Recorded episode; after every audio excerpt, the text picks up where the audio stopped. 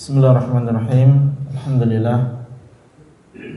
Rabbil alamin. Asyhadu an la ilaha illallah wahdahu la syarikalah wa asyhadu anna Muhammadan abduhu wa rasuluh. Allahumma salli wa sallim wa barik ala nabiyyina Muhammad wa ala alihi wa ashabihi wa man ittaba'ahum bi ihsanin ila yaumiddin. Amma ba'd. Alhamdulillah kita bersyukur kepada Allah SWT dan banyak memuji kepada Allah Pada pagi hari ini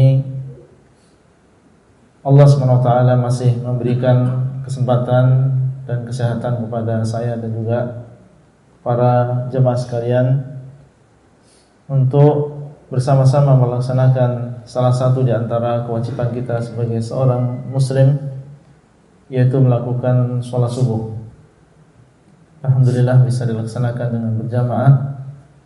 Kita memohon kepada Allah SWT semoga Allah SWT menerima amal ibadah ini dan menerima seluruh amal ibadah yang kita lakukan meskipun dengan kekurangan yang kita miliki.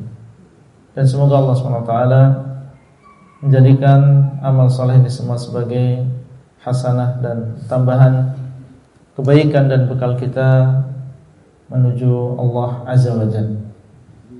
Tidak lupa salawat dan salam.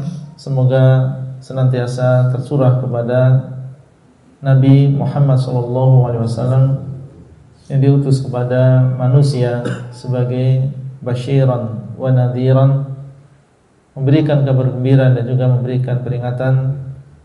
Diutus sebagai rahmat bagi seluruh alam dan beliau adalah rasul yang terakhir. Tidak ada rasul setelah beliau. Semoga Allah SWT menjadikan kita termasuk umat beliau sallallahu alaihi wasallam yang konsekuen dengan uh, syariat beliau rela untuk menghidupkan sunnah beliau sallallahu alaihi wasallam dan semoga Allah SWT mengumpulkan kita semuanya bersama beliau di dalam surganya. Salam dan salam juga untuk para sahabat dan juga para keluarga Rasulullah sallallahu alaihi wasallam, para ahlul bait dan juga orang-orang yang mengikuti mereka mengikuti pemahaman mereka di dalam beragama mengikuti mereka dengan baik di dalam masalah akidah, di dalam masalah ibadah, di dalam masalah muamalah, di dalam masalah akhlak, di dalam masalah keikhlasan, di dalam masalah mutaba'ah. Semoga salawat dan salam atas mereka juga sampai hari kiamat. Bapak Ibu sekalian yang dimuliakan oleh Allah, seolah sampai syuruk ya. Syuruknya jam berapa di sini? Terbitnya jam 6 ya. Terbit matahari jam 5.52 berarti tambah 15 menit kurang lebih jam 6 lebih 10 menit kita selesai insyaallah. Kita ingin duduk sebentar bersama-sama mempelajari satu di antara hadis-hadis Rasulullah sallallahu alaihi wasallam. Kita tahu bahwasanya sumber agama kita apabila kita berpegang teguh dengan sumber tadi maka kita tidak akan tersesat sebagaimana dalam hadis taraktu fikum amrayn. Lan tadillu ma tamassat ma tamassaktum bihima. Aku tinggalkan di antara kalian dua perkara. Kalian tidak akan tersesat. Lan. Ya tidak akan tersesat selama kalian masih berpegang teguh dengan keduanya. Beliau mengatakan kitab Allahi wa sunnati kitab Allah Al-Quran Barang siapa yang mempelajarinya Memahami isinya, berpegang teguh dengan isinya Maka dia tidak akan tersesat Di dalamnya adalah petunjuk Cahaya Kemudian yang kedua adalah wa sunnata rasulihi sallallahu alaihi wasallam. Sunnah rasulnya sallallahu alaihi wasallam. Barang siapa yang memegang ucapan dan sabda Rasulullah SAW maka dia tidak akan tersesat. Ini adalah petunjuk bagi kita di dalam kehidupan kita di dunia ini. Di antara hadis tersebut adalah sebuah hadis yang diriwayatkan oleh At-Tirmidzi dan juga yang lain. Dan dia adalah hadis yang dihukumi oleh Syekh Al-Albani rahimahullah sahihun li ghairi. Dan At-Tirmidzi menghasankan dan hadis ini disebutkan oleh Al-Imam An-Nawawi rahimahullah di dalam kitab beliau Al-Arba'in An-Nawawiyah. Sebuah kitab di mana pengarangnya yaitu Al-Imam An-Nawawi mengumpulkan di dalam kitab ini 42 hadis yang menurut beliau 42 hadis ini adalah alaihi madarul Islam. Islam berkumpul pada 42 hadis ini. mengumpulkan pokok-pokok agama ini. Makanya orang kalau ingin mempelajari lebih dalam agama Islam dan dia adalah seorang penuntut ilmu, para ulama menasihatkan hendaklah dia menghafal kitab Al-Arba'in An-Nawawiyah. Isinya adalah 42 hadis. Dan bukan hadis-hadis yang panjang. Hadis-hadisnya adalah jawami'ul kalim hadis-hadis yang pendek tetapi memiliki makna yang banyak. Dan sampai sekarang para ulama menasihatkan murid-muridnya, para santrinya untuk menghafalkan hadis ini. Al-Arba'in An-Nawawiyah. Di dalamnya adalah masalah akidah, ada masalah akhlak, ada masalah adab, ada masalah muamalah. Maka diharapkan orang yang memulai menuntut ilmu dengan mempelajari hadis-hadis yang ada di dalam Arba'in Nawawiyah dengan mudah dia mempelajari ilmu yang ada di dalam uh, agama ini. Dan ini adalah silsilah rantai uh, penjelasan tentang hadis-hadis Arba'in Nawawiyah Ana sampaikan ketika melakukan safari dakwah seperti ini minimal di sana ada satu hadis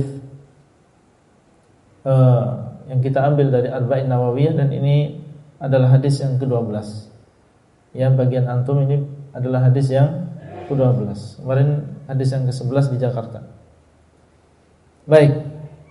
Beliau mengatakan Al-Imam An-Nawawi rahimahullah beliau mengatakan an Abi Hurairah radhiyallahu anhu qala. Dari Abu Hurairah Semoga Allah meridai beliau.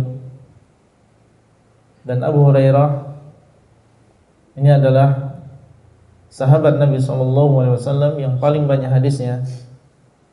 Meskipun beliau Beliau termasuk orang yang Terakhir Terakhir terakhir masuk ke dalam agama Islam Ya Karena baru masuk Islam Setelah uh, Perang Khaybar dan tidak bertemu dengan Nabi Shallallahu Alaihi Wasallam kecuali beberapa tahun saja. Berbeda dengan Abu Bakar, Umar, Uthman dan juga yang lain. Namun Allah swt memberikan keutamaan bagi siapa yang dikehendaki. Abu Hurairah adalah orang yang paling banyak hadisnya dari Rasulullah Shallallahu Alaihi Wasallam. Dan di antara sebabnya yang pertama adalah karena doa yang baik dari Nabi Shallallahu Alaihi Wasallam untuk Abu Hurairah sehingga setiap hadis yang beliau dengar dia tidak pernah lupa. Setiap hadis yang dia dengar tidak pernah lupa. Kemudian yang kedua sebabnya adalah karena Abu Hurairah ini termasuk orang yang sering melazimi Rasulullah Shallallahu Alaihi Wasallam. Karena beliau adalah termasuk muhajir yang berhijrah ke kota Madinah termasuk orang yang miskin dia tidak memiliki tempat tinggal kecuali di Masjid Nabawi dia termasuk ahlus suffah ya tidak ada kesibukan yang banyak kecuali berada di dalam masjid mendengarkan petuah dan hadis-hadis Rasulullah sallallahu alaihi wasallam. Sehingga tidak heran apabila beliau banyak menghafal hadis-hadis Rasulullah sallallahu alaihi wasallam. secara mutlak. Lebih banyak daripada uh, para sahabat yang lain. Dan ini adalah fadlullah keutamaan dari Allah Allah berikan kepada siapa yang Allah kehendaki. Di antara hadisnya adalah hadis ini. Qala Rasulullah sallallahu alaihi wasallam Rasulullah sallallahu alaihi wasallam bersabda Min husni islamil mar'i tarkuhu ma la ya'ni Di antara kebaikan Islam seseorang adalah dia meninggalkan apa yang tidak ada kepentingannya. Di antara kebaikan Islam seseorang adalah meninggalkan sesuatu yang bukan kepentingan dia. Soalnya kita jelaskan makna dari ucapan beliau sallallahu alaihi wasallam. Para ulama menjelaskan bahwasanya hadis ini adalah termasuk pokok di antara pokok-pokok adab. Dan dia adalah termasuk jawami'ul kalim. Ucapan yang Allah berikan kepada Nabi sallallahu alaihi wasallam yang sangat ringkas tetapi mengandung makna yang luas. Min husni islamil mar'i tarkuhu ma la ya'ni. Rata-rata santri, para ulama, para hafal yang demikian. Tidak membutuhkan waktu untuk menghafal tapi ternyata dia memiliki makna yang luas, makna yang dalam. Berkata Ibnu Rajab rahimahullah, "Hadzal hadis aslun min usulil adab." Hadis ini adalah termasuk pondasi di dalam di antara pondasi-pondasi adab. Orang kalau ingin memiliki adab yang baik di dalam agama di sisi Allah bukan di sisi manusia, maka hendaklah dia memperhatikan hadis ini. Min husni islamil mar'i tarkuhu ma la ya'ni. Termasuk kebaikan Islam seseorang adalah meninggalkan apa yang dia tidak punya kepentingan di dalam. Berkata Hamzah Al-Kinani, "Hadzal hadis thuluthul Islam." Beliau mengatakan hadis ini adalah sepertiga dari Islam. Hadis ini adalah sepertiga dari Islam menunjukkan tentang kedudukan hadis ini. Berkata Ibn Abdul Bar, kalamuhu hadha sallallahu alaihi wasallam min al-kalamil jami' lil ma'ani al-kathirati al-jalilah fil alfadhil qalilah. Ma lam yaqul ahadun wa huwa ma lam yaqulhu ahadun qablahu. Wallahu a'lam Ibnu Abdul Bar beliau mengatakan ucapan beliau ini sallallahu alaihi wasallam adalah termasuk ucapan yang menyeluruh terhadap makna-makna yang banyak yang sangat besar.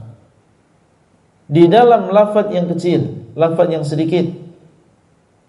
Dan dia termasuk ucapan yang tidak pernah diucapkan oleh seorang pun sebelum Rasulullah sallallahu alaihi wasallam. Berkata Ibnu Hajar Al-Haytami, "Wa hadzal haditsu rub'ul Islam ala ma qalahu Abu Dawud." Dan di sini adalah seperempat dari Islam sebagaimana dikabarkan atau diucapkan oleh Abu Dawud. Wa aqulu dan aku katakan yaitu Ibnu Hajar Al-Haytami, bal huwa nisful Islam.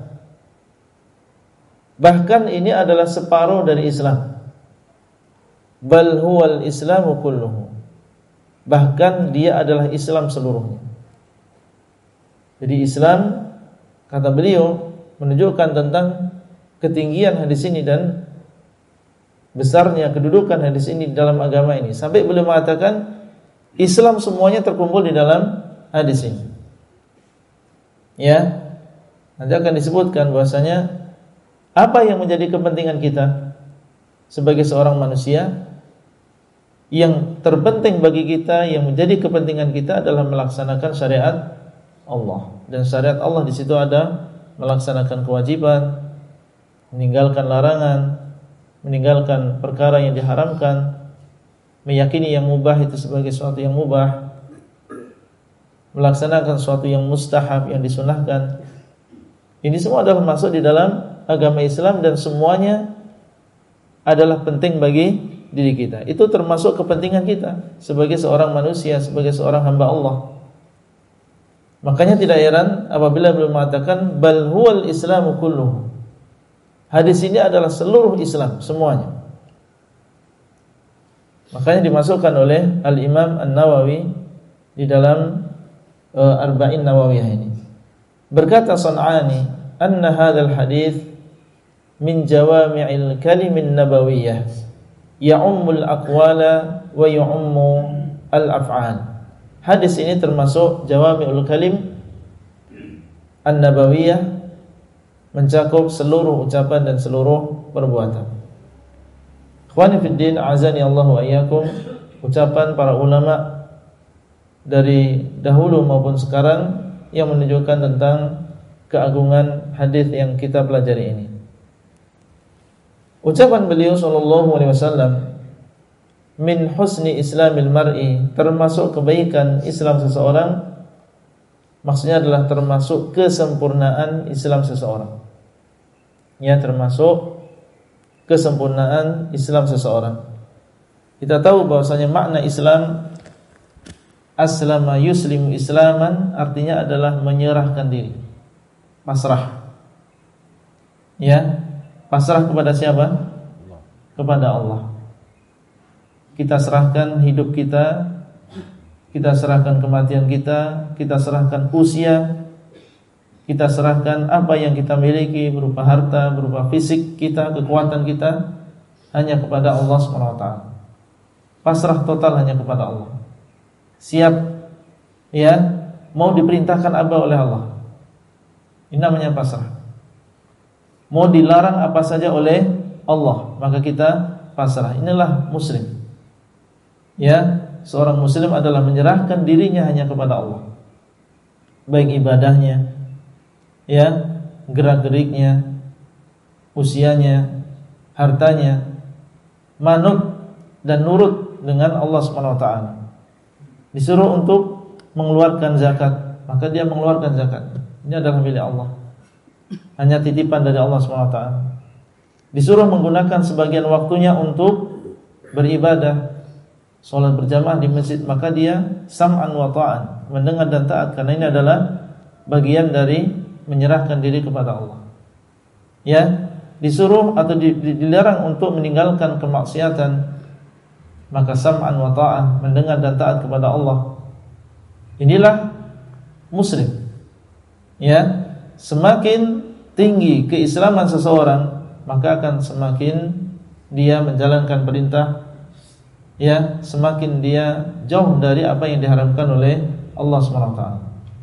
Termasuk di antaranya menunjukkan tentang bagusnya seorang muslim, bagusnya keislaman dia, tingginya pemahaman dia terhadap agama yang dia anut. Adalah seseorang meninggalkan apa yang dia tidak memiliki kepentingan di dalamnya. Tarkuhu ma la ya'ni. Dia meninggalkan sesuatu yang tidak ada kepentingan di dalamnya. Dan akan kita sebutkan apa saja yang termasuk sesuatu yang kita punya kepentingan di dalamnya dan apa yang bukan. Yaknihi maksudnya adalah dalam bahasa kita seperti tadi yang kita yang yang kita memiliki kepentingan di dalamnya. Itu ma yakni. Apa yang yakni seseorang maksudnya adalah yang dia ada kepentingan di dalamnya Mala yakni sesuatu yang dia tidak memiliki kepentingan di dalamnya. Hadis ini sebagaimana tadi kita sebutkan diriwayatkan oleh Tirmizi dan juga yang lain dan Syekh Al-Albani mengatakan sahihun li ghairi. Ucapan beliau tarkuhu ma la dia meninggalkan sesuatu yang dia tidak memiliki kepentingan di dalamnya. Ma di sini ya mencakup ucapan maupun perbuatan. Di sana ada ucapan yang penting bagi kita. Kita punya kepentingan di dalamnya. Ada faedahnya dan juga ada manfaatnya. Baik ucapan dunia maupun ucapan yang berkaitan dengan akhirat atau agama seperti zikir, membaca Al-Qur'an. Wal af'al demikian pula mencakup perbuatan. Baik berupa perkara dunia maupun perkara agama.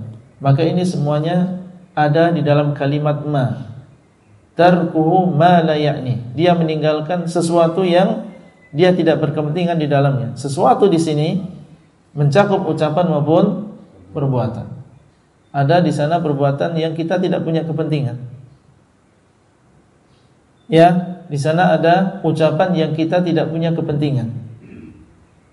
Waktu yang Allah berikan ini terlalu mahal. Ya, waktu yang Allah berikan sekali dunia ini terlalu terlalu mahal. Maka orang yang rugi adalah orang yang tidak bisa memanfaatkan waktunya. Wal asri innal insana lafi khusr. Demi masa, demi waktu sesungguhnya manusia dalam kerugian, enggak bisa memanfaatkan waktunya dengan baik. Bahkan orang yang menggunakan waktunya untuk perkara yang mubah, rugi tidak dia? Rugi. Orang yang beruntung seperti dalam ayat ini, illal ladzina amanu wa amilus salihat wa tawassaw bil haqqi. Kecuali orang yang beriman, beramal soleh, saling mewasiati dalam kebenaran, saling mewasiati dalam kesabaran. Ini orang yang beruntung. Selainnya rugi. Termasuk orang yang menggunakan untuk perkara yang mubah. Ya perkara yang boleh. Seharusnya bisa dia niatkan untuk beramal soleh. Kalau dia niatnya lurus. Ya, orang yang niatnya benar bisa menjadikan amal yang asalnya boleh menjadi berpahala. Misalnya antum tadi malam tidur. Ya, tadi malam tidur. Niatnya sebelum tidur ya Allah, saya ingin bisa bangun malam. Sekarang istirahat biar nanti bangun malamnya tidak ngantuk. Semangat untuk bangun malam, kemudian melakukan sholat subuh berjamaah. Kalau tidurnya niatnya demikian, dapat pahala atau tidak? Dapat. pahala. Siapa di antara kita yang demikian? Rata-rata ya tidur begitu saja karena capek. Ya lupa tidak meniatkan tidurnya untuk perkara yang baik. Makan dan juga minum. Kalau dia niatnya Ya Allah saya memakan satu suap dua suap ini adalah supaya nanti saya kuat ya untuk beribadah. Dia dapat pahala. Terkadang seseorang duduk bersama-sama dalam satu meja makan. Tapi orang yang berilmu, dia duduk dan dia mendapatkan pahala. Dia makan dan dia mendapatkan pahala. Adapun orang yang tidak berilmu, maka dia makan sebagaimana yang lain. Hanya sekedar ya taladzud menikmati makanan, tidak ada niat di dalamnya untuk taqawi fil ibadah, kuat di dalam ibadahnya. Maka tentunya orang yang beruntung yang bisa memanfaatkan waktu dengan baik. Nah kita di dunia ini banyak perkara-perkara yang la ya'nina. Ada perkara-perkara yang kita tidak punya kepentingan di dalamnya. Maka seorang muslim tentunya sangat sayang dengan waktunya. Kalau sudah meninggal dunia, sudah habis waktunya, sudah Tidak bisa kembali lagi ke sini. Maka dia berusaha Bagaimana di dunia ini Melakukan perkara-perkara yang dia ada kepentingan di dalamnya bermanfaat bagi dia terutama terhadap kehidupan akhirat. Masuk di dalam kalimat ma di sini segala sesuatu yang tidak ada kepentingannya baik itu berupa ucapan atau berupa pandangan. Jadi memandang pun ada sesuatu yang memang penting bagi kita, ada yang tidak tidak penting. Maka termasuk kebaikan Islam seseorang memandang sesuatu yang memang dia ada kepentingan. Ya, makanya para ulama ya kalau antum bertemu dengan mereka, mereka sangat menjaga pandangannya, bahkan dalam perkara yang mubah. Ya, mereka tidak menoleh ke kiri dan juga ke kanan kecuali memang ada masalahnya di situ. Di situ mereka bermuamalah dengan Allah. Ini adalah pandangan Allah yang memberikan. Ya, pandangan penglihatan Allah yang memberikan. Dia berusaha bagaimana pandangan ini sesuai dengan keridhaan Allah. Ya, tidak memandang kecuali yang memang di situ dia perlu untuk memandang. Kemudian yang kedua termasuk pendengaran. Kita menjaga pendengaran kita. Mendengarkan sesuatu yang memang ada kepentingannya kita di dalamnya. Adapun yang tidak ada kepentingannya maka ini menyanyiakan waktu. Demikian pula menyentuh.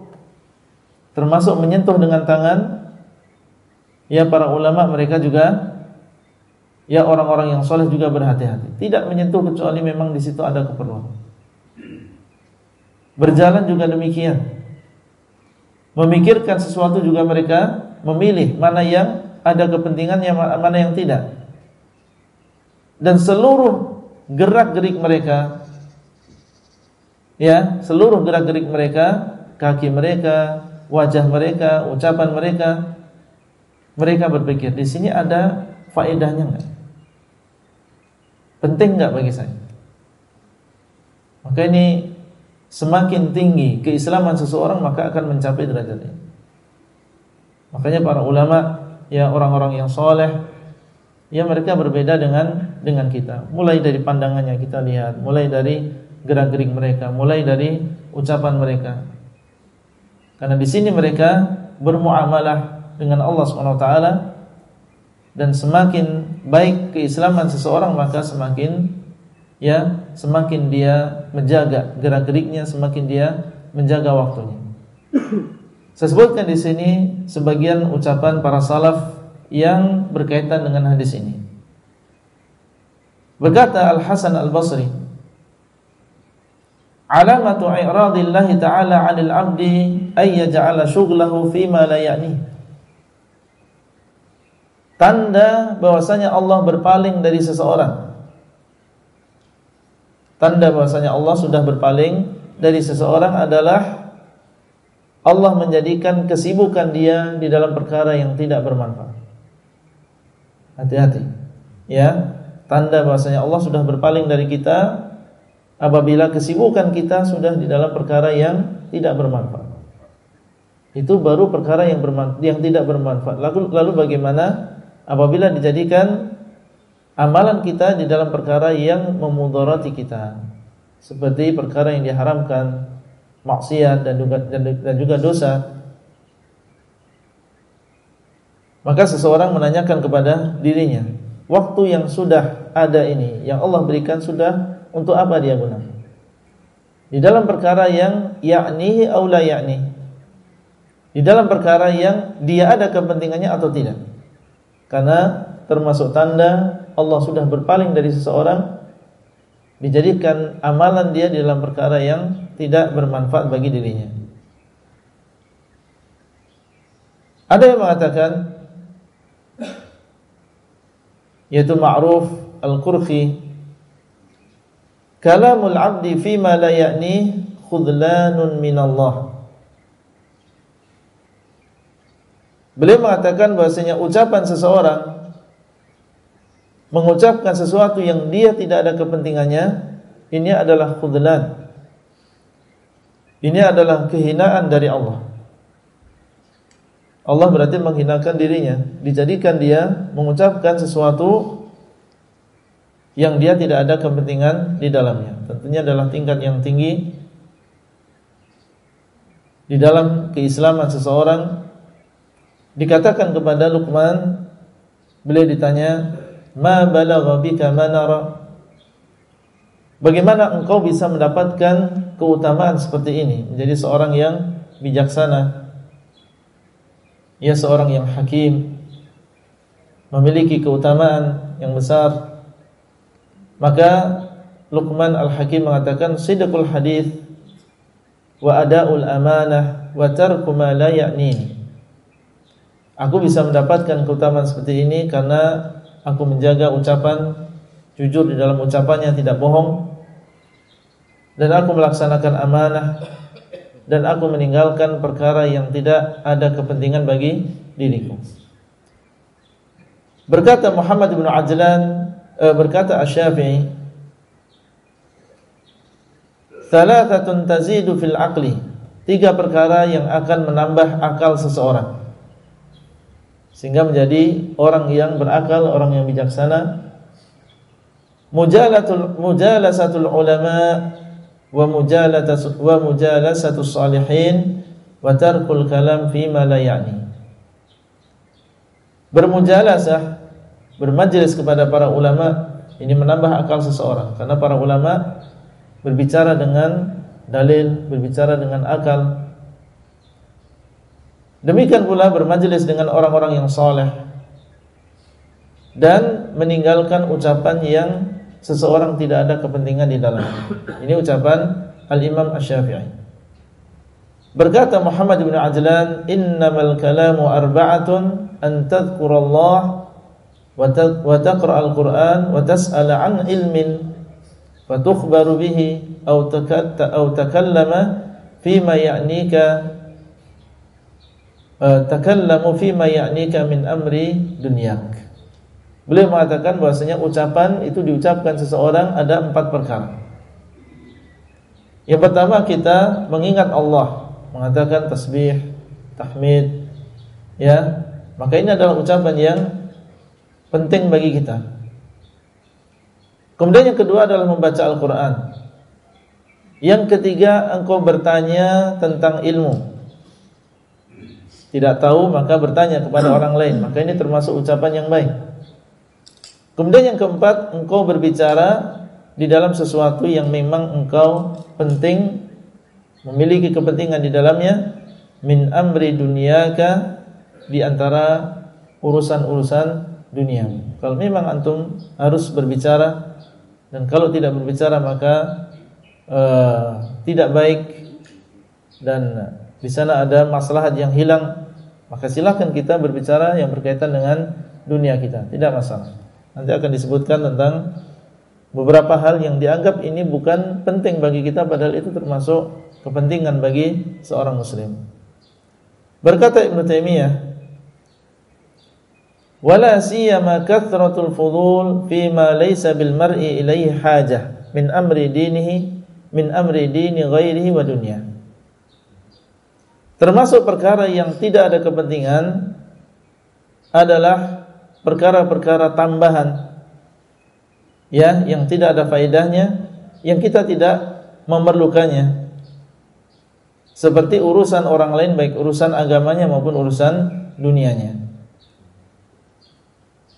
berkata Syekh Abdurrahman As-Sa'di Inna man lam yatruk ma la ya'nihi fa innahu musii'un fi islami. Sesungguhnya barang siapa yang yang tidak meninggalkan sesuatu yang dia tidak berkepentingan di dalamnya, maka dia telah berbuat jelek di dalam Islamnya. Ini adalah beberapa ucapan dari para ulama dan juga para salaf ya yang menunjukkan tentang hadis ini dan bahwasanya keislaman seseorang baik atau tidaknya dilihat dari uh, apakah dia meninggalkan sesuatu yang tidak ada kepentingan bagi dirinya atau tidak. Ibnu Rajab rahimahullah di dalam kitab beliau Jami'ul Ulum wal Hikam. Kitab ini juga membahas tentang penjelasan dari 42 hadis yang disebutkan oleh Imam Nawawi ditambah 8 hadis dari Ibnu Rajab. Jadi seluruhnya ada 50 hadis. Ya 50 hadis. Di dalam kitab ini beliau menjelaskan dan Ibnu Rajab ini adalah murid dari Syekhul Islam Ibnu Taimiyah. Beliau mengatakan menjelaskan bahwasanya makna hadal hadis ya makna dari hadis ini bahwa orang yang baik Islamnya maka dia akan meninggalkan perkara yang tidak ada kepentingan baginya baik berupa ucapan maupun perbuatan dan dia akan mencukupkan dengan ucapan dan juga perbuatan yang di situ ada kepentingan bagi dirinya.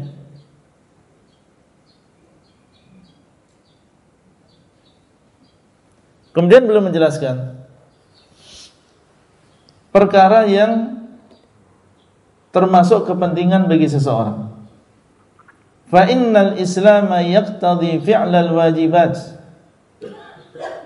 karena sesungguhnya Islam mengharuskan untuk melakukan perkara yang diwajibkan. Berarti ini adalah termasuk perkara yang yakni al-insan, perkara yang kita ada kepentingan di dalamnya. yang melaksanakan kewajiban termasuk perkara yang kita ada kepentingan di dalamnya. Termasuk di antara Islam ya, Islam yang sempurna masuk di dalamnya meninggalkan perkara yang diharamkan kata beliau. Ya, meninggalkan perkara yang diharamkan. Ini juga termasuk yang seseorang memiliki kepentingan di dalamnya. Wa idza hasunal Islam iktadha tarka ma la ya'ni kullahu. Apabila Islam seseorang semakin baik, maka ini mengharuskan dia meninggalkan segala sesuatu yang tidak ada kepentingan di dalamnya minal muharramat seperti perkara yang diharamkan wal mustabihat perkara-perkara yang samar kita ragu-ragu apakah ini haram atau halal, boleh atau tidak. Maka termasuk kepentingan kita meninggalkan perkara yang di yang samar ini. Faman ittaqa syubhat faqad istabara li dinihi wa irdihi kata Rasulullah. Barang siapa yang meninggalkan perkara yang samar, sungguh dia telah membersihkan agamanya dan kehormatannya. Kalau kita ragu-ragu ini halal atau haram, kemudian kita tinggalkan, bersih tidak agama kita? Bersih. Bersih. Daripada seorang melakukannya dan ragu-ragu dia jangan-jangan ini dosa jangan-jangan ini haram. Dia tinggalkan bersih agamanya. Cari perkara-perkara yang lebih jelas. Dan kalau dia meninggalkan perkara yang disamarkan yang samar ini maka dia akan membersihkan kehormatannya. Orang nggak akan berbicara apa-apa sama antum Jadi kalau kita melakukan perkara yang samar kemudian ada orang lain yang melihat yang dia beranggapan ini adalah perkara yang diharamkan maka akan jelek kehormatan kita.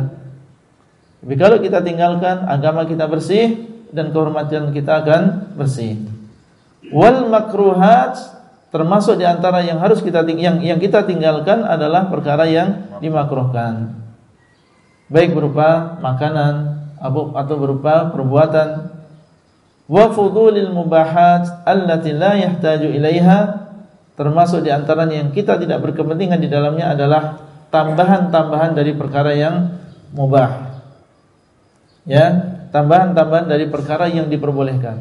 Termasuk makanan, tidak boleh berlebihan. Ya, kita memakan sesuatu yang memang penting bagi kita. Minum juga demikian.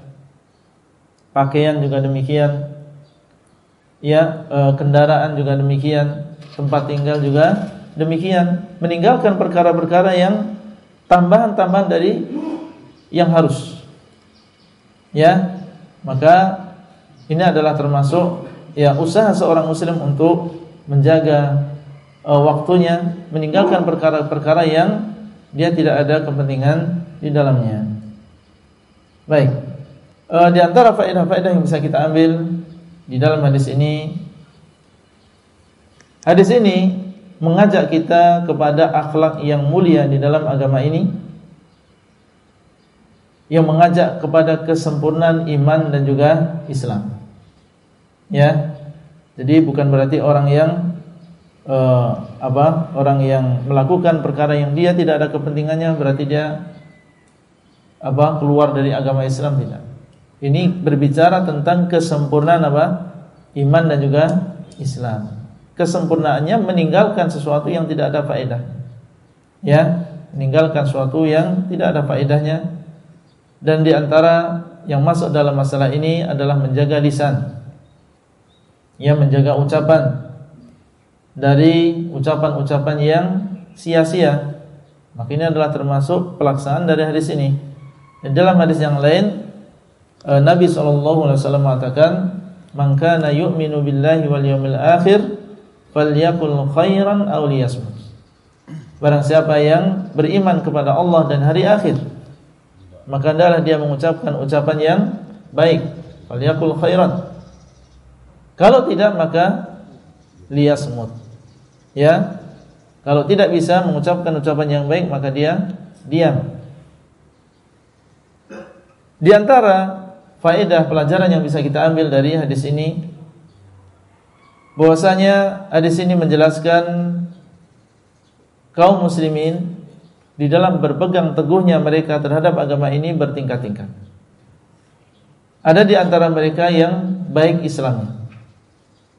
Di antara ciri-cirinya adalah meninggalkan perkara yang dia tidak ada kepentingan di dalamnya. Dan ada di antara mereka yang sayyi'ul Islam. Ada di antara mereka yang jelek Islamnya. Maka di sana ada perkara-perkara yang menunjukkan baiknya Islam seseorang. Di antaranya adalah uh, jujur. Di antaranya adalah menjaga waktunya, menjaga kehormatan, bersungguh-sungguh di dalam taat kepada Allah, melaksanakan amanah yang diberikan, baik amanah di dalam pekerjaan, ya, ataupun amanah-amanah yang lain. Dan termasuk jeleknya Islam seseorang apabila dia berdusta, bohong kepada orang lain, berkhianat ketika diberikan amanah, atau dia terang-terangan dalam melakukan kemaksiatan Termasuk jeleknya Islam seseorang ketika dia menyanyiakan kewajiban yang sudah Allah wajibkan kepada dirinya. Maka hadis ini menunjukkan bahwasanya kaum muslimin ini mereka bertingkat-tingkat, ada di antara mereka yang baik Islamnya dan ada di antara mereka yang kurang keislamannya.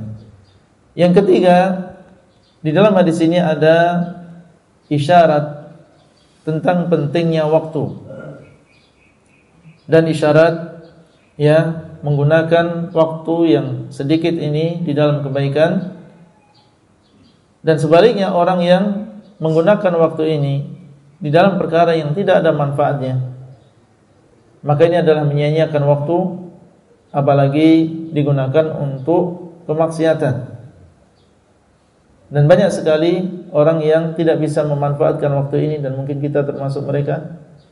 Dan Nabi sallallahu alaihi wasallam mengatakan ni'matani maghbunun fihima katsirun minan nas. Dua nikmat di mana manusia banyak yang tertipu. Banyak yang tidak bisa memanfaatkan dengan baik dua nikmat ini.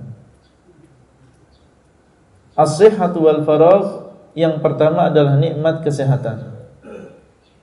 Banyak di antara kita ketika dia dalam keadaan sehat, tidak ada keluhan ya dalam jantungnya, dalam nafasnya, dalam darahnya. Ya, tidak menggunakan kesehatan ini untuk kebaikan. Tidak mau menghadiri majelis ilmu. Ya, tidak digunakan untuk menghadiri sholat berjamaah. Ya, tidak digunakan untuk amal soleh Justru digunakan kesehatan tadi dalam perkara yang tidak ada manfaatnya atau di dalam kemaksiatan. Padahal ya namanya amal soleh ini perlu kesehatan, perlu badan yang sehat. Ya, makanya jaga kesehatan.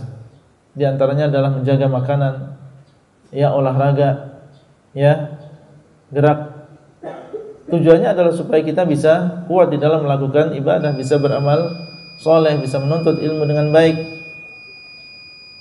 ini apa ini? Suruh. Suruh. Berarti 15 menit lagi. Ketika seseorang sakit baru dia merasakan nikmatnya seandainya kemarin saya ya dalam keadaan sehat. Ya, barulah dia menyesal. Sekarang sudah tidak bisa ke masjid. Sekarang tidak bisa menghadiri majelis ilmu. Duduk sebentar di majelis ilmu sudah tidak kuat. Ya. Ketika kemarin sehat tidak digunakan. Ketika dia sakit baru dia ya berangan-angan, menyesal. Banyak di antara kita tidak bisa memanfaatkan kesehatan dengan baik. Yang kedua adalah al-faragh yaitu waktu luang. Ya, banyak di antara kita memiliki waktu yang luang, waktu yang senggang yang bisa dia gunakan untuk menambah amal solehnya dengan membaca Al-Quran, dengan sholat, dengan puasa, dengan menghadiri majelis ilmu tapi tidak digunakan dengan baik. Setelah dia memiliki kesibukan ya dengan keluarga, dengan pekerjaan, ya barulah dia berangan-angan melihat orang lain menghadiri majelis ilmu, ya ingin supaya seperti seperti mereka. Maka ini adalah dua nikmat yang diingatkan oleh Nabi banyak di antara manusia yang tidak bisa memanfaatkan dengan dengan baik. Yang keempat, di antara faedah yang bisa kita ambil untuk mendapatkan derajat ini yaitu meninggalkan sesuatu yang kita tidak ada kepentingannya maka seseorang perlu tekad dan juga perlu kesabaran. Ya, perlu tekad dan juga kesabaran, perlu latihan. Ya, mungkin tidak kita melaksanakan hadis ini? Jawabannya mungkin. Karena enggak mungkin Allah mensyariatkan sesuatu yang kita tidak mampu untuk melakukan. Tapi perlu kita kesungguhan. Ya, perlu kita memulai. Perlu seseorang berpikir sebelum berbicara. Perlu seseorang berpikir sebelum dia melihat. Saya melihat ke sini ini ada manfaatnya atau tidak? Saya berbicara dengan ucapan ini ada manfaatnya atau tidak? Kalau sudah dibiasakan maka nanti akan menjadi kebiasaan bagi bagi dia. Dan ini perlu kesungguhan, perlu waktu yang panjang. Ya, tidak cukup dengan satu hari, dua hari, satu minggu, dua minggu. Perlu kesungguhan dan waktu yang panjang. Kemudian di antara faedah yang bisa kita ambil Agama ini menunjukkan kepada kita untuk meninggalkan sesuatu yang kita tidak ada kepentingannya ada hikmahnya atau di sana memiliki hikmah-hikmah dan faedah-faedah untuk kita. Kenapa kita disuruh meninggalkan sesuatu yang kita tidak ada kepentingan? Di antaranya yang pertama, orang yang menyibukkan diri dengan sesuatu yang dia tidak ada kepentingannya nanti lama kelamaan bisa menjerumuskan dia di dalam perkara yang diharamkan. Ya, dan syaitan ini ya ber, ber, e, bersabar di dalam menggoda manusia. Dijadikan dia melakukan perkara yang sia-sia yang tidak ada kepentingannya, lama kelamaan akan diseret oleh syaitan untuk melakukan perkara bukan hanya sia-sia, bahkan memudarati diri seseorang. Ya. Ya. Kemudian yang kedua, seseorang yang melakukan sesuatu, menyibukkan diri dengan sesuatu yang tidak ada kepentingannya bagi dia, akan menjadikan atau akan menyeret dia kepada permusuhan di antara kaum muslimin. Ya, antum campur tangan dengan urusan orang lain. Marah nggak orang lain? Marah. Ya dan ini ya di dalam Islam jangan kita melakukan perkara yang kita tidak ada kepentingan di dalamnya. Di sana masih banyak urusan yang harus kita kerjakan yang itu adalah penting bagi diri kita. Orang yang ikut campur dengan urusan orang lain yang dia tidak ada kepentingan di dalamnya maka ini bisa menimbulkan ya permusuhan di antara kaum muslimin. Kemudian yang ketiga, sibuk dengan perkara yang tidak ada kepentingannya ini membawa kepada kelemahan iman. Sebaliknya, orang yang menyibukkan diri dengan sesuatu yang penting bagi dia ini membawa kekuatan iman. Orang yang sibuk dengan perkara yang dia tidak ada kepentingan di dalamnya, maka ini menjadikan dia berat untuk melakukan ketaatan. Dia terlalu sibuk dengan perkara yang tidak ada manfaatnya. Ya, terlalu banyak mengikuti berita. Ini enggak ada kepentingannya. Ya, masih banyak perkara yang seharusnya dia lakukan membaca Al-Qur'an. Itu penting bagi dia. Adapun seorang mengikuti berita dari awal sampai akhir, dari ya ujung timur sampai ujung barat dia berusaha untuk tahu, padahal itu enggak ada kepentingan di dalamnya. Seandainya dia tidak tahu dan tidak mengabarkan kepada orang lain, enggak akan memudarati dia. Ya, tidak akan memudarati dirinya. Tidak akan bermanfaat bagi dirinya di akhirat. Maka menyibukkan diri dengan perkara-perkara tadi ini menjadikan seseorang malas untuk melakukan ketaatan. Kemudian yang selanjutnya orang yang sibuk dengan perkara-perkara yang dia tidak ada kepentingan di dalamnya, maka ini akan menyibukkan dia, eh, akan memalingkan dia dari perkara-perkara yang uh, penting yang harus dilakukan oleh seseorang dan akan menjadikan dia sibuk dengan perkara-perkara yang rendahan ya menjadikan dia sibuk dengan perkara-perkara yang rendahan yang tidak bermutu dan tidak berkualitas. E, kemudian di antara contoh perkara-perkara yang tidak ada faedahnya yang kita tidak ada kepentingan di dalamnya disebutkan oleh para ulama. Yang pertama adalah terlalu banyak berbicara di dalam majelis. Terlalu banyak berbicara tambahan-tambahan ucapan yang tidak ada manfaatnya di dalam sebuah majelis dan Nabi SAW telah melarang dari qila wa ada yang mengatakan, dia mengatakan, ada yang mengatakan, dia mengatakan, dan seterusnya. Seperti yang ada dalam majelis-majelis. Kemudian yang kedua, berlebih-lebihan di dalam perkara yang diperbolehkan seperti perkara-perkara dunia, ya dan uh, apa alat-alat atau ya perkara-perkara dunia yang itu hanya kesempurnaan saja. Kemudian dia berlebihan. Seperti tadi kita sebutkan masalah rumah, masalah uh, uh, apa mobil atau motor berlebihan maka ini termasuk termasuk perkara yang tidak me, uh, apa tidak tidak ada kepentingan bagi seorang muslim di dalamnya. Maka dia hendaklah melakukan perkara yang bermanfaat. Kemudian yang ketiga, bertanya tentang keadaan manusia dan perkara-perkara mereka yang khusus tanpa ada sebab yang yang e, mengharuskan dia untuk bertanya. Terkadang kita bertanya sesuatu dan kalau kita renungkan apa faedahnya saya bertanya? Ya, bertanya tentang perkara ini. Kalau tidak ada faedahnya maka ini termasuk ya dalam hadis ini sesuatu yang tidak ada kepentingan di dalamnya. Yang keempat, di antara perkara yang kita tidak ada kepentingan di dalamnya adalah mencari-cari aib dan aurat seorang muslim. Ya mencari-cari kesalahan orang. Ya khususnya mencari-cari kesalahan pemerintah mencari-cari kesalahan para ulama. Ya berkoar-koar tentang kesalahan-kesalahan mereka maka ini termasuk perkara yang kita tidak ada kepentingan di dalam. Terlalu banyak ya perkara-perkara yang harus kita urus. Ya keluarga kita masyarakat kita sekolah tempat kita e, mengajar di dalamnya.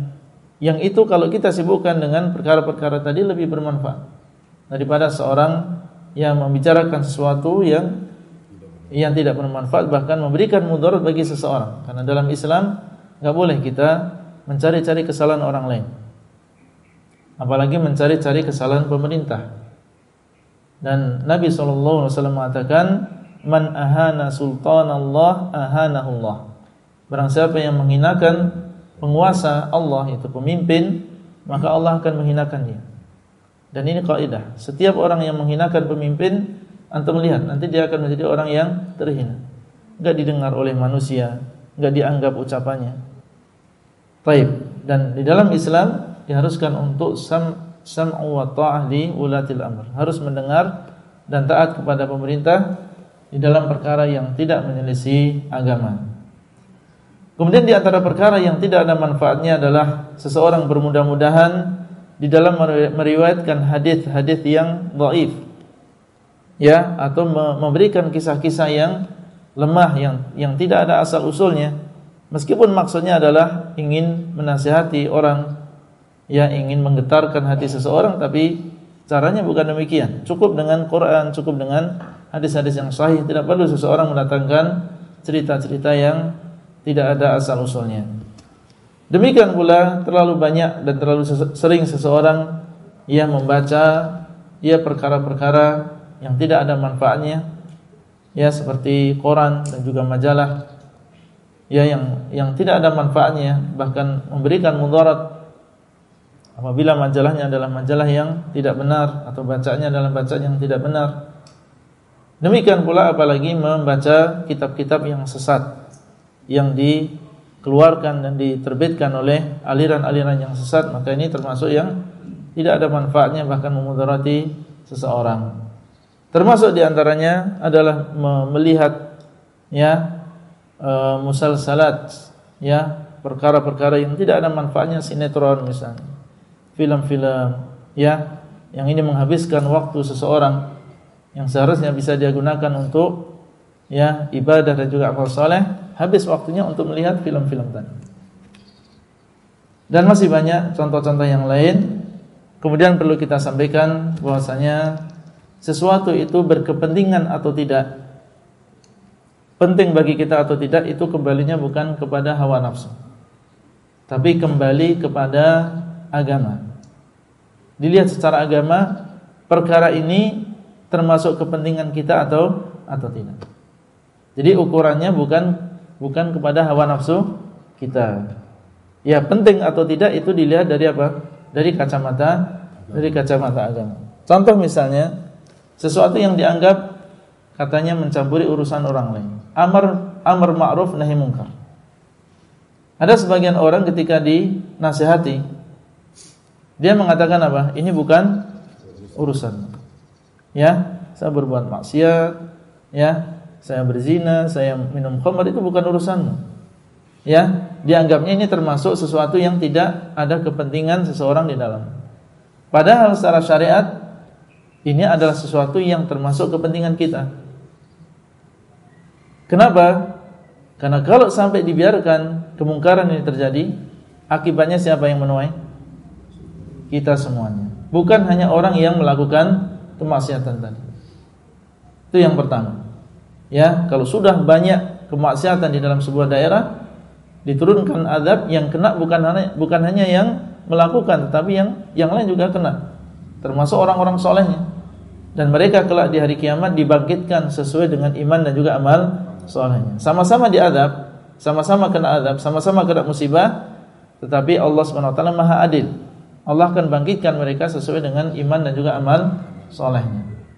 Ya, Kemudian yang kedua, amar ma'ruf nahi munkar ini termasuk kepentingan bagi kita karena Allah menyuruh kita untuk amar ma'ruf nahi munkar. Wal takum minkum ummatun yad'una ilal khair wa ya'muruna bil ma'ruf wa yanhauna 'anil munkar. Hendaklah ada di antara kalian sebuah kaum yang amar ma'ruf nahi munkar. Ya, berarti hukumnya fardu kifayah. Kalau sampai seluruhnya tidak amar ma'ruf nahi munkar dosa semuanya. Nah, berarti amar ma'ruf nahi munkar adalah penting bagi saya. Karena kalau saya tidak amar ma'ruf nahi munkar dan fulan tidak amar ma'ruf nahi munkar, kita semuanya akan kena. Semuanya akan di yang mendapatkan dosa. Termasuk di antara yang perkara yang uh, menjadi kepentingan bagi seseorang adalah mendidik anak. Ya, ini adalah penting bagi seseorang. Karena ada sebagian bapak ya menyangka bahasa ini bukan uh, urusan dia ya ini bukan urusan dia, urusan dia adalah masalah nafkah saja. Maka tarbiyatul aulad ini termasuk perkara yang merupakan kepentingan seseorang. Kalau bukan kita siapa lagi yang mendidik mereka? Dan fitnah yang semakin besar setiap uh, datangnya zaman atau setiap mendekati hari kiamat fitnah semakin besar dan kerusakan semakin merajalela. Kalau kita tidak mendidik anak-anak kita dengan baik ya membentengi mereka dengan agama, dengan keimanan, ya, maka siapa yang akan mendidik mereka? Ya, kelak mereka akan menghadapi fitnah yang lebih besar dari zaman sekarang. Kalau kalau kita tidak memiliki perhatian dengan mereka, maka kita akan kecolongan kelak. Ya, dan setiap masing-masing dari kita akan ditanya tentang orang yang dia pimpin. Kullukum mas'ulun wa kullukum kullukum ra'in wa kullukum mas'ulun an ra'iyatihi. Masing-masing dari kalian adalah pemimpin. Dan masing-masing dari kalian akan ditanya tentang orang yang dia yang dia pimpin. Berarti ini penting bagi kita. Ya, penting bagi kita untuk memiliki perhatian yang besar terhadap anak-anak kita. E, itulah e, yang bisa kita sampaikan pada kesempatan kali ini. Oh ya, poin yang penting juga Eh, bahwasanya bukan masuk di dalam perkara yang sia-sia apabila seseorang bercanda dengan canda yang disyariatkan. Ya. Apalagi maksudnya adalah untuk ya memasukkan uh, apa ke, ke, ke kebahagiaan di dalam diri seorang muslim atau seseorang membawa anaknya dan juga istrinya bertamasya sebentar untuk menghilangkan kepenatan me, apa, me, me, merap, me, me, merapatkan tali ukhuwah tali kekeluargaan. Maka kalau niatnya demikian maka ini bukan termasuk perkara yang sia-sia. Ya terkadang kita bertanya sesuatu kepada orang tujuannya bukan apa-apa ingin supaya dia lebih dekat. Ya supaya dia nyaman berbicara dengan kita kemudian kita nasihati dengan baik. Maka ini ada niatnya berarti. Ini bukan perkara yang sia-sia oleh karena itu jangan dipahami setelah mendengar hadis ini semuanya dia Ya, keluar dari masjid semuanya diam gitu. Ya, bukan demikian. Ya, ada perkara-perkara yang mubah tujuannya adalah lebih tinggi daripada itu. Ya, kita ingin menghidupkan suasana supaya kita enak memberikan berbicara dengan mereka. Ya, tapi di sana ada aturan-aturannya. Yang penting ya tidak ada di dalamnya e, larangan secara syariat. Ya, dan tidak boleh sampai meninggalkan kewajiban atau menghalangi seseorang dari zikrullah atau sampai melupakan dari salat Demikian pula bercanda silahkan tetapi jangan sampai ya mendatangkan permusuhan justru setelahnya berlebih-lebihan di dalam bercanda dan jangan dijadikan ini sesuatu yang dominan di dalam kehidupan kita. Asal dari seorang muslim adalah bersungguh-sungguh di dalam berbuat. Ya, boleh melakukan perkara-perkara yang tadi kita sebutkan ya untuk memberikan semangat kembali. Dahulu para ulama kita ya terkadang mereka mengajak murid-muridnya keluar ke taman. Ya sudah banyak menghafal banyak duduk. Mereka tahu bahasanya namanya manusia ada ada kejenuhan. Diajak keluar ya belajar di taman. Nggak masalah. Ya niatnya adalah supaya semangat lagi dalam beramal saleh baik mungkin itu yang bisa kita sampaikan Allah taala alam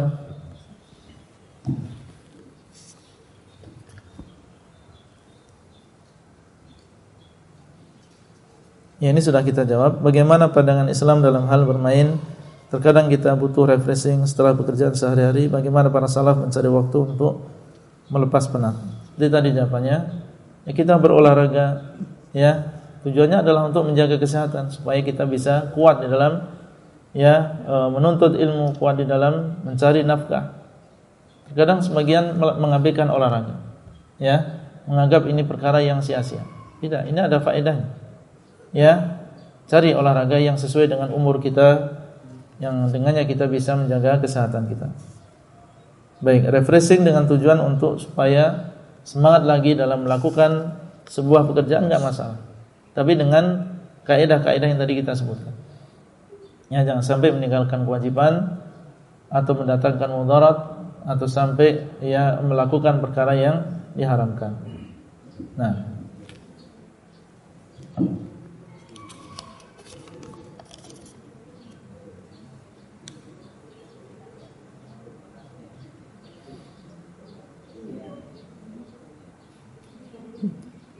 Bolehkah seorang istri sharing lewat WA dengan temannya bukan mahramnya tanpa seizin suami?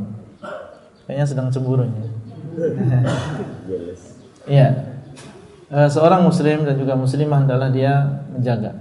Ya, menjaga di zaman apalagi di zaman fitnah seperti ini. Ya, eh, terutama dengan eh, lawan jenis yang bukan mahramnya, maka adalah kita berhati-hati. Ya, jangan uh, chatting atau WA kecuali dalam keadaan darurat sekali. Yang mau tidak mau harus. Tapi kalau tidak maka jangan karena ini bisa menyebabkan fitnah atau minimal menimbulkan kecemburuan.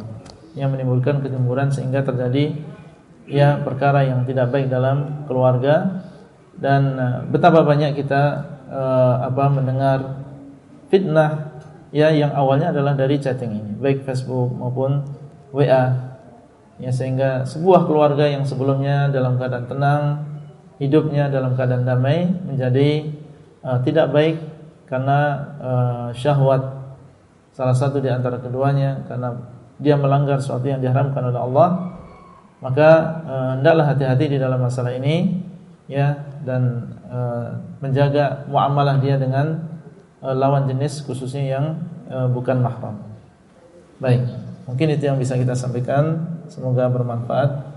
Seandainya ada kebenaran maka datangnya dari Allah SWT semata dan seandainya ada kesalahan maka datangnya dari saya pribadi dan juga dari syaitan dan saya memohon ampun kepada Allah.